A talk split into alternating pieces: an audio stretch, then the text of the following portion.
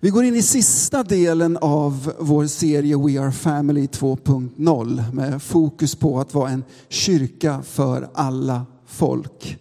I höstas hade vi ju We Are Family ja, 1.0 sa vi inte då eftersom vi inte visste att, ja, ni förstår. Men då var fokus på att vara en generationsöverskridande gemenskap för alla åldrar. Dagens tema, alltså sista delen av We Are Family 2.0, är anden och alla folk. Och vilket bättre skriftställe att landa i än pingsten, Apostlagärningarna 2. Vi ska läsa vers 1 till och med 21 som kommer upp på väggen här. När pingstdagen kom var de alla församlade. Då hördes plötsligt från himlen ett dån som av en stormvind och det fyllde hela huset där de satt. De såg hur tungor som av eld fördelade sig och stannade på var och en av dem. Alla fylldes av helig ande och började tala andra tungomål med de ord som anden ingav dem. I Jerusalem bodde fromma judar från alla länder under himlen. När dånet göd samlades hela skaran och förvirringen blev stor när var och en hörde just sitt språk talas. Utom sig av förvåning sa de, men är de inte galileer allesammans dessa som talar? Hur kan då var och en av oss höra sitt eget modersmål talas? Vi är parter, meder, elamiter, vi kommer från Mesopotamien, Judeen och Kappadokien, från Pontos och Asien och från Frygien och Pamfylien, från Egypten och trakten kring Kyrene i Libyen. Vi har kommit hit från Rom, både judar och proselyter. Vi är kretensare och araber. Ändå hör vi dem tala på vårt eget språk om Guds stora gärningar. I sin häpnad visste ingen vad han skulle tro och de frågade varandra, vad betyder detta? Men andra gjorde sig lustiga och sa, de har druckit sig fulla på halvjäst vin. Då steg Petrus fram med de elva andra och tog till orda och talade till dem. Judar, ja alla ni som bor i Jerusalem, detta ska ni veta. Lyssna till mina ord. Det är inte som ni tror att de här männen är berusade, det är ju bara morgon. Nej, detta är vad som har sagts genom profeten Joel.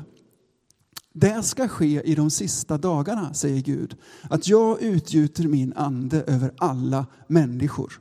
Era söner och döttrar ska profetera, era unga män ska se syner och era gamla män ska ha drömmar. Ja, över mina tjänare och tjänarinnor ska jag i de dagarna utgjuta min ande och de ska profetera. Jag ska låta sällsamma ting visa sig uppe på himlen och tecken nere på jorden, blod och eld och moln av rök. Jag ska låta sällsamma ting visa sig uppe på himlen och tecken nere på jorden. Blod och eld och moln av rök igen då. Solen ska vändas i mörker och månen i blod innan Herrens dag kommer, den stora och strålande. Men var och en som åkallar Herrens namn ska bli räddad. Efter den här enormt omvälvande händelsen och Petrus liksom banbrytande eh, förklaring ifrån, ifrån Gamla Testamentet, Joels bok, så predikar Petrus fortsatt om vem Jesus var, vem han är, vad han gjorde, hur han dog på korset, hur han uppstod. Och de som lyssnade den dagen blev rejält berörda. 3000 döptes en och samma dag. Och de blev församlingen. Kyrkan föddes där i och med detta. Den där församlingen samlades varenda dag på olika platser, på olika sätt. Under och tecken skedde. De hjälpte varandra praktiskt på ett extremt generöst sätt. Så när man nu så här ska en, en söndag i februari i, i Linköping 2016 ska predika om det här, vad ska man välja av allt det här? Pingst. Bara det ordet kunde man ju ha en hel, en hel vecka om. Tungotal kan man ha två veckors undervisning om. Eh, folkslagens ursprung, alla de här folken, var de kom ifrån. Och, det skulle ju kunna leda till att man talar om nationalstatens korta historia, att nationalstaten inte finns i Bibeln. Och att, att, att liksom tanken på Sverige som ett kristet land är, är, vad ska jag använda för ord för att inte säga korkat. Ehm, talet om de sista dagarna man skulle kunna undervisa om vinbryggning eh, eller om sol och månförmörkelser. Men vi ska zooma in på en av de här verserna, annars så blir vi nog kvar här till ikväll. Den sjuttonde versen. Det ska ske i de sista dagarna, säger Gud, att jag utgjuter min ande över alla människor. Era söner och döttrar ska profetera, era unga män ska se syner och era gamla män ha drömmar. Där landar vi idag. I den här versen så ser vi ju direkt den här eh, We Are Family 1. Den generationsöverskridande era unga män och gamla män, barn och vuxna eh, används av Gud och betjänar varandra och tjänar Herren. Men den händelse som vi läste om först, den, som liksom det här är en förklaring av, den eh, det var ju inte en händelse där enbart människor av, av olika kön och åldrar kom tillsammans, utan det var en händelse där människor från olika folk och olika språk förenades. Den händelsen, pingsten, när Guds ande för första gången utgöts över alla människor. Det är det egentliga startskottet på We Are Family 2.0. Vi är kanske inte så cutting edge som vi tror ibland. Alltså, eh, en förlossning, en födelse präglas ju av alla möjliga grejer och vi ska inte gå in på allt det nu.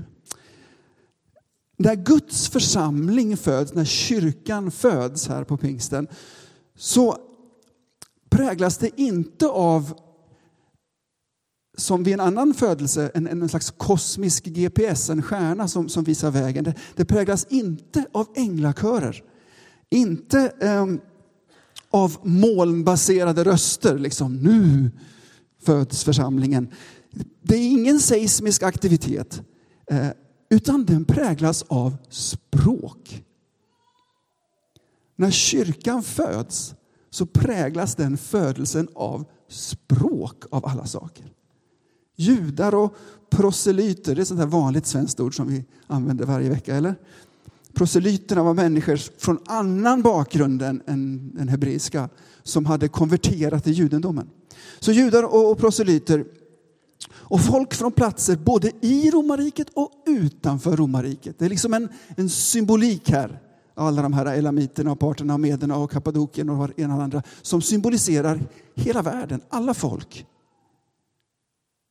som hörde om Guds stora gärningar på sina egna språk. Det här är väldigt signifikativt. Det är det första som händer när församlingen föds. Den, den, den globala och, och liksom generationsöverspännande och allomfattande familjen som, vi, som växte idag här den, när den församlingen föds, när vi föds som, som Guds folk på jorden, så präglas det av att alla får höra om Guds stora gärningar på sitt eget språk. I en, kata, I en kakafoni av språk föds Guds församling. Lite som videon med Sara här, eh, men med den stora skillnaden att det var i pingsten så var det verkliga ord. Det var språk på riktigt, det inte bara lät som språk. Om du inte förstod när de talade svenska och engelska så var det för att det bara lät som svenska och engelska. Det var inte det.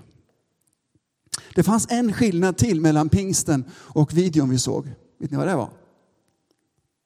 Glasögonen.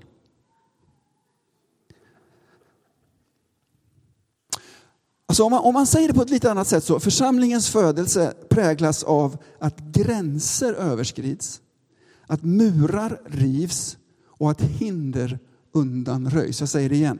Församlingens födelse präglas av att gränser överskrids, murar rivs och hinder undanröjs. Generationsklyftor, genusklyftor, språkförbistring och rasism avskaffas i någon bemärkelse av Guds ande. Är ni med? Utan att be om lov så utrustar Guds ande nämligen med alla sorters människor. Vad stod det i bibelordet? Jag utgjuter, jag häller ut min ande över alla människor. Inte bara över en karismatisk elit. En, titt på, en väldigt snabb titt på Galaterbrevet 3, eh, vers 26-28 eh, bekräftar ju det här. Alla är ni nämligen genom tron Guds söner i Kristus Jesus. Är ni döpta in i Kristus har ni också iklätt er Kristus. Nu är ingen längre jude eller grek, slav eller fri, man eller kvinna. Alltså, vilka ord, vilken fantastisk bild som Paulus målar av vad församlingen är för någonting. I Guds församling så definieras vi inte längre av etnicitet, jude eller grek. Vi är fortfarande judar eller greker, men det är inte det vi definieras av. Vi definieras inte av vilken samhällsklass vi tillhör, slav eller fri. Vi definieras inte heller av vilket kön vi tillhör, man och kvinna. Vi är alla Guds söner. Vi är alla Guds söner. Det är vår nya, vår innersta och vår yttersta identitet. Det är de vi är nu. Jag är på grund av Guds nåd, på grund av det Jesus gjorde på korset. Allt det här gäller ju i Kristus. Allt det här är på grund av vad Jesus gjorde. Så är jag Guds barn. Jag tillhör skaparen. Den som har skapat himmel och jord. Och det gör ju mig till syskon med alla andra vars far han är. Vi är syskon. Man väljer inte sina syskon, man väljer inte de som passar. Det är inte som, som på mellanstadiet, hemska tanken när man skulle, bli, när man skulle välja fotbollslag. Och ni vet, jag och, och, och tjocka Gudrun blev vald sist. Det var, det var en, en, eh, referens till en... Ja, det spelar ingen roll. Vi är alla syskon, hur vi än ser ut, hurdana vi än är. Därför att vi är alla döpta in i Kristus Jesus. Får bara slänga in en, en utmaning. Vill du följa Jesus, du, du tror på honom, du litar på honom, men du har inte gått dopets vägen, gör det. Gör det. Låt döpa dig till Kristus. Det är fantastiskt. Det är, det är liksom det, det, det första steget på en fantastisk vandring. Okej, okay, men nu är, nu är det dags för en reality check. Nu måste vi ändå tala verklighet här. Skillnaderna mellan människor finns ju faktiskt kvar. Eller hur? Det är ju bara att se sig om. Eller? Skillnaden mellan människor skriker oss i örat eller, eller stirrar oss i ansiktet. Det är bara att titta på folks hudfärg. Man får inte knappt prata om det, men det är bara att titta så ser man att folk är annorlunda. Det är bara att läsa taxeringskalendern så ser man att det finns klasskillnader. Ja, det finns andra sätt att se det. Det är bara att lyssna på invandrare, eller, eller Norrköpingsbor för den delen, så ser man att skillnaderna är enorma.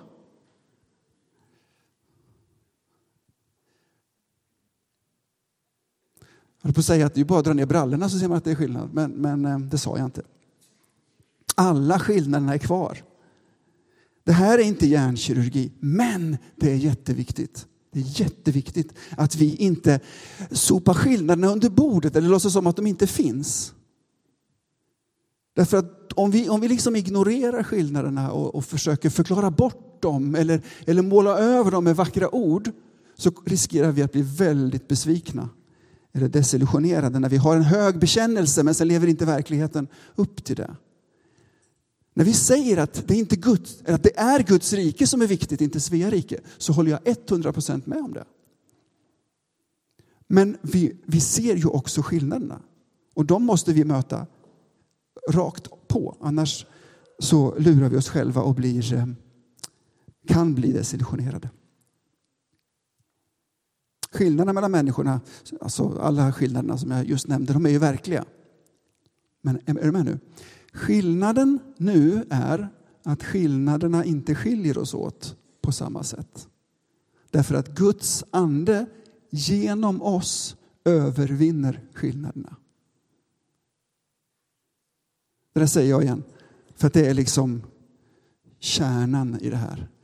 Skillnaden nu, skillnaden efter pingsten, skillnaden efter att Guds ande kom över alla, det är att de här verkliga, tydliga, synliga och hörbara eh, skillnaderna skiljer oss inte längre åt på samma sätt. Därför att Guds ande genom oss övervinner de här skillnaderna. Guds ande tar inte bort skillnaderna. Han gör oss inte till en könlös eh, eh, monoetnisk massa. Men han övervinner. Han ger oss inspiration och motivation och kraft att övervinna de där skillnaderna. Eller hur? När Guds ande kom över de som var församlade i Jerusalem så började inte alla plötsligt tala samma språk. Eller att de började förstå samma språk. Det som hände var att de troende, de andefyllda, började tala alla språk. Det är en jätteskillnad mellan att sudda ut gränserna och att övervinna dem. Är ni med? Bra.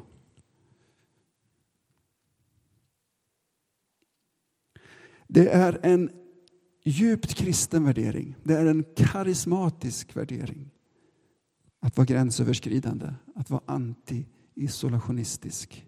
Det var ett fint ord. Lycka till översättaren. Att villigt inkludera andra människor från andra bakgrunder än din egen. Det är karismatik. Därför att sådan är Guds ande. Lite snabbt då, hur övervinner anden de här gränserna, de här skillnaderna genom oss? Tre saker. Han åstadkommer för det första en attitydförändring i oss. Får vi se om vi får upp den här. En ändrad prioriteringsordning. Guds rikes värderingar blir viktigare än mina svenska värderingar. Det är inte alltid de står emot varandra, absolut inte. Det finns saker i varenda kultur som rimmar väl med Bibeln, med, med Guds ord, med Andens värderingar. Men det händer ibland att vi måste välja. Ska jag gå den svenska vägen eller ska jag följa Jesus? Rent ut sagt kan det bli så ibland. Och det är då det visar sig var vi har vår, um, vad heter det? vårt medborgarskap. Vet du, det kan vara befogat ibland att ta risker för Guds rike. Risker som är helt orimliga ur ett svenskt perspektiv. Och även när jag säger det så hör jag inom mig röster som säger ja, vi måste vara ansvarsfulla, vi kan inte. Det finns tillfällen när vi måste ta risker för Guds rike. Helt orimliga risker som vi inte kan lösa med att lagstifta om cykelhjälmar eller annat. Det kommer tillfällen när vi måste välja mellan, mellan min bekvämlighet, mitt sätt att göra saker, det jag känner mig hemma med och att hjälpa en annan människa. Att, att anpassa mig efter dens behov. På det viset övervinner anden gränser och skillnader mellan oss. När jag inser att det är viktigare för mig att vara en Jesu lärjunge än det faktum att jag är en man. När jag tillåter Guds ande att styra vem jag umgås med, hur jag bor, vad jag gör med fritid och pengar och inte bara låter sociala förväntningar styra det. Det, det är ett sånt där område där Guds ande övervinner skillnader. Vilket språk som är mitt modersmål avgör inte vem jag berättar om Guds stora gärningar för. Det är också en sån där skillnad som Guds ande övervinner. Den här attitydförändringen, det här nya sättet att se på saker, det är det första sättet som, som Guds ande övervinner skillnaden mellan människor. Det andra är att han, han uppenbarar att mångfalden är från Gud. Hallå? Den helige Ande uppenbarar att mångfald, den etnolingvistiska mångfalden som vi har omkring oss, den är från Gud. Kanske du känner till Babels torn. Om du, om du är van vid att läsa Bibeln, särskilt första boken i Bibeln, så har du hört talas om, om Babels torn i Första Moseboken 11. Och det ska vi inte gå in för djupt i, för det hinner vi inte. Men låt mig säga så här mycket. Jag tror, jag är helt övertygad om att etniska folkgrupper och olika språk hade redan börjat utvecklas. Det är nämligen sådan människan är och det, är liksom, det ligger i vår natur att förändra och anpassa. Och jag tror att olika folk, olika språk hade börjat utvecklas. Det är bara att titta på kapitlet innan Babelstorn så ser vi det. Det som skedde vid Babelstorn, när språkförbistringen inträdde, tror jag var att det fanns ett sånt här språk som alla kunde. Ord som alla kände till, ett språk som alla kunde. Ett lingua franca, dagens engelska typ. Som Gud tog bort. Och där stod de med sina underliga dialekter och olika språk och kunde inte kommunicera längre.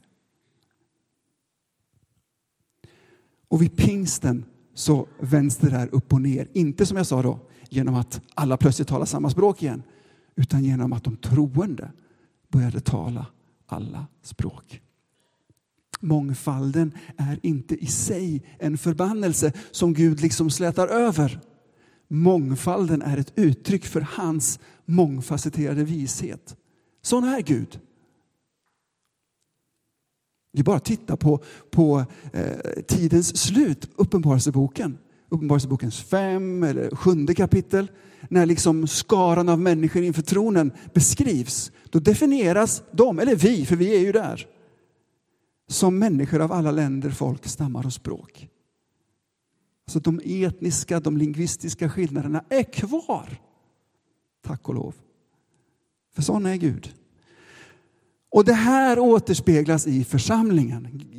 Den heliga ande uppenbarar detta för oss. Mångfalden är från Gud och då kan vi möta den på ett helt annat sätt.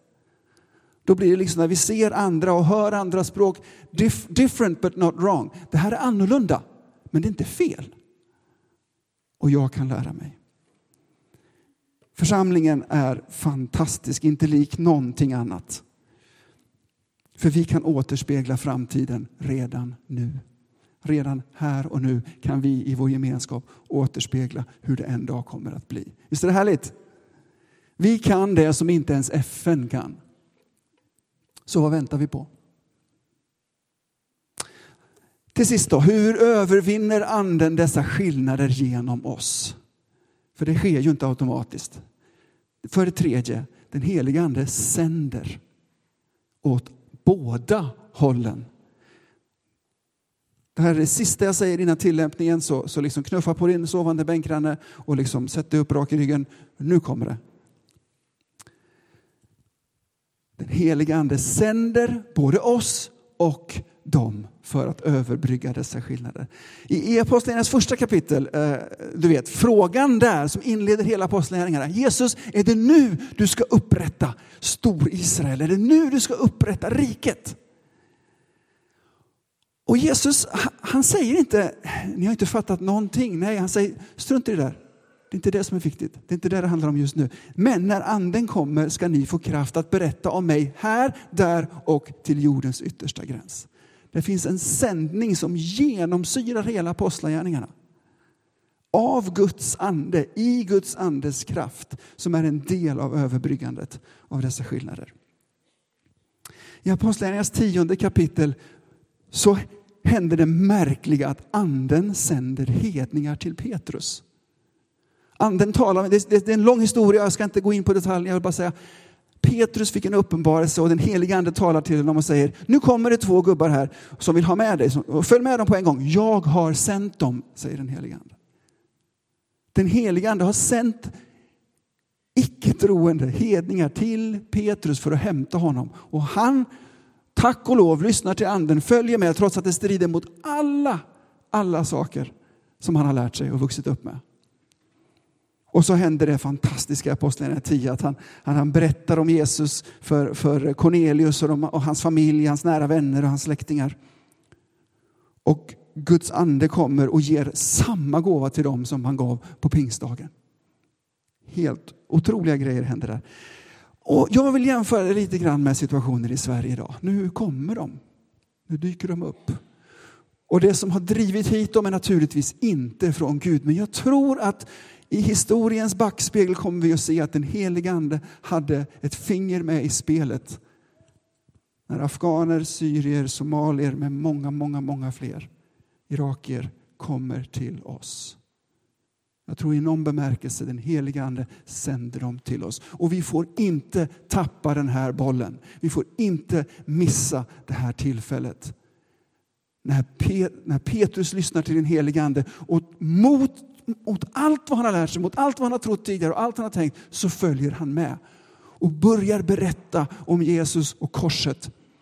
Så innan han hinner avsluta sin predikan, det kan ju vara skönt, så kommer den helige Ande, boom! Och alla de där hedningarna, soldater, fylls av Guds ande, blir förlåtna och innesluts i Guds familj. Sån är Guds ande. Och så sänder han ju oss till dem också. Apostlagärningarna 13. De första missionärerna sänds från Antiochia i dagens Turkiet till Antalya i dagens Turkiet via Cypern. Paulus och Barnabas, den första missionsresan. Den helige Ande, dessa som alltså sändes av den helige Ande. Den helige Ande sänder missionärer till alla folk. Det här känner vi till och jag tänkte hoppa över det men det går ju inte för jag är under den jag är. Måste ju avsluta med att, att lyfta upp den här sändningen. Och grejen är att det sker både och. Den heliga Ande sänder både dem till oss och oss till dem. Då för 2000 år sedan och nu idag.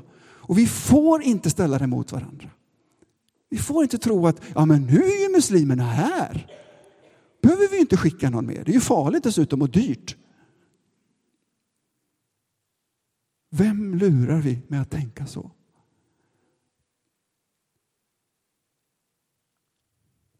Jag träffade två representanter för en missionsorganisation som heter Frontiers i tisdags. Och de berättade att av de ungefär 1500 etnolingvistiska folkgrupper som bekänner sig till islam i hela världen så 1100 av de 1500 har fortfarande ingen tillgänglighet till evangeliet. De, de nås inte av evangeliet. Trots alla flyktingar som kommer. Så vi behöver med andra ord göra både och. Världen är komplex, det är bara att inse det. Om vi förut gav till mission bland muslimer där de bor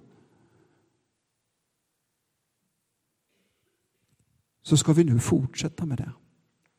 Och ge lika mycket till. Ge så det svider för att med Guds kärlek nå dem som kommer hit också. Nu vart det tyst.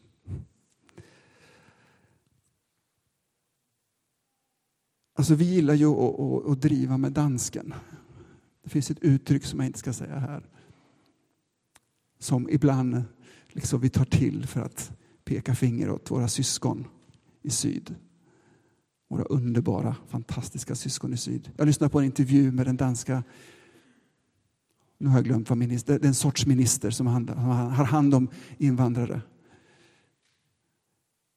Hon sa rätt i svensk tv så här. Den danska regeringens mål med asylpolitiken är att hjälpa så många som möjligt men det får inte gå ut över oss själva. Vi ska hjälpa så många som möjligt, men det får inte gå ut över oss själva. Uh. Och ibland undrar jag om vi inte riskerar att liksom dras in i det där. Det är klart vi ska hjälpa till. Men vi har ju våra standarder och vi har ju vårt liv och vi måste tänka, det kan ju bli så här, det kan gå så här. Vi är väldigt duktiga på att måla upp mardrömsscenarion. Nu är de här. De gamla behoven kvarstår. Helt nya, tiotusentals nya har kommit. Och det är nu eller aldrig. Guds ande är på vår sida. Guds ande är med oss i att möta dem. Därför att han gavs till alla folk. Nu ska vi be. Jag vill ge dig några eh, tillämpningspunkter. Vi kan få upp dem två och två här.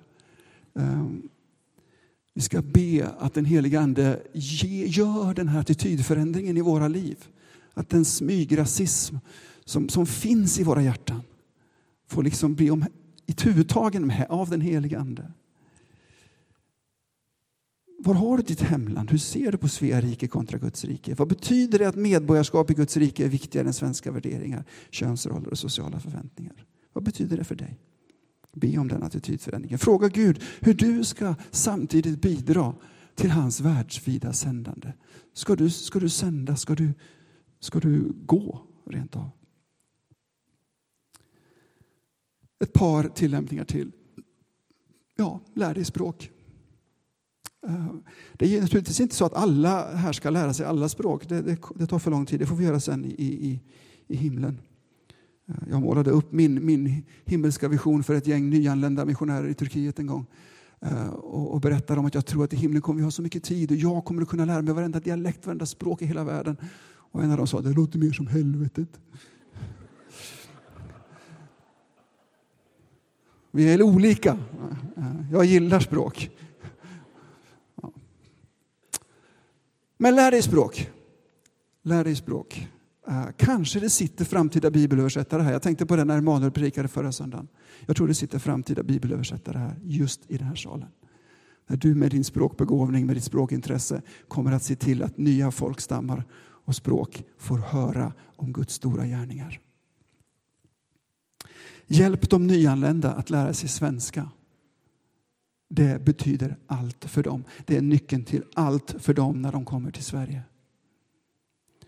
Och så avslutar vi med församlingsledningens eh, utmaning till oss som församling.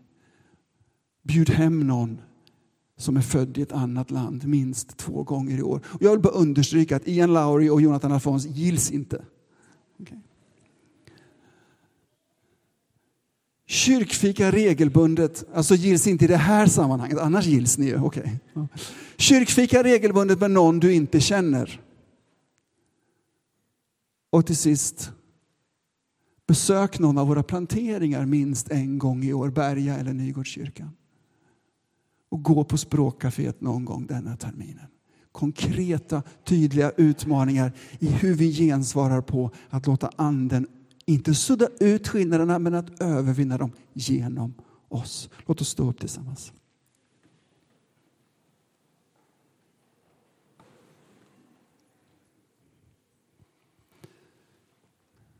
Herre, nu ber jag att de kommande minuterna ska du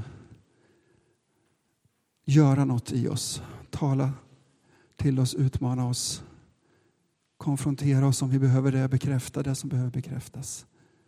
Vi vet att du älskar oss och att ingenting kan rycka oss ur dina händer. Samtidigt har du så mycket mer för oss att sträcka oss efter. Och vi gör det nu, Herre. Hjälp oss att tillåta din Ande att överbrygga etniska, lingvistiska och andra skillnader i våra hjärtan, i våra liv. Kom helige Ande och förena oss med dig och med varandra. Och hjälp oss att hitta vägar att innesluta världen som kommer till oss i vår gemenskap, i vår församling. Så att vi blir en kyrka för alla folk. Så att vi är den kyrka du har bestämt om oss för alla folk. I Jesu namn. Amen.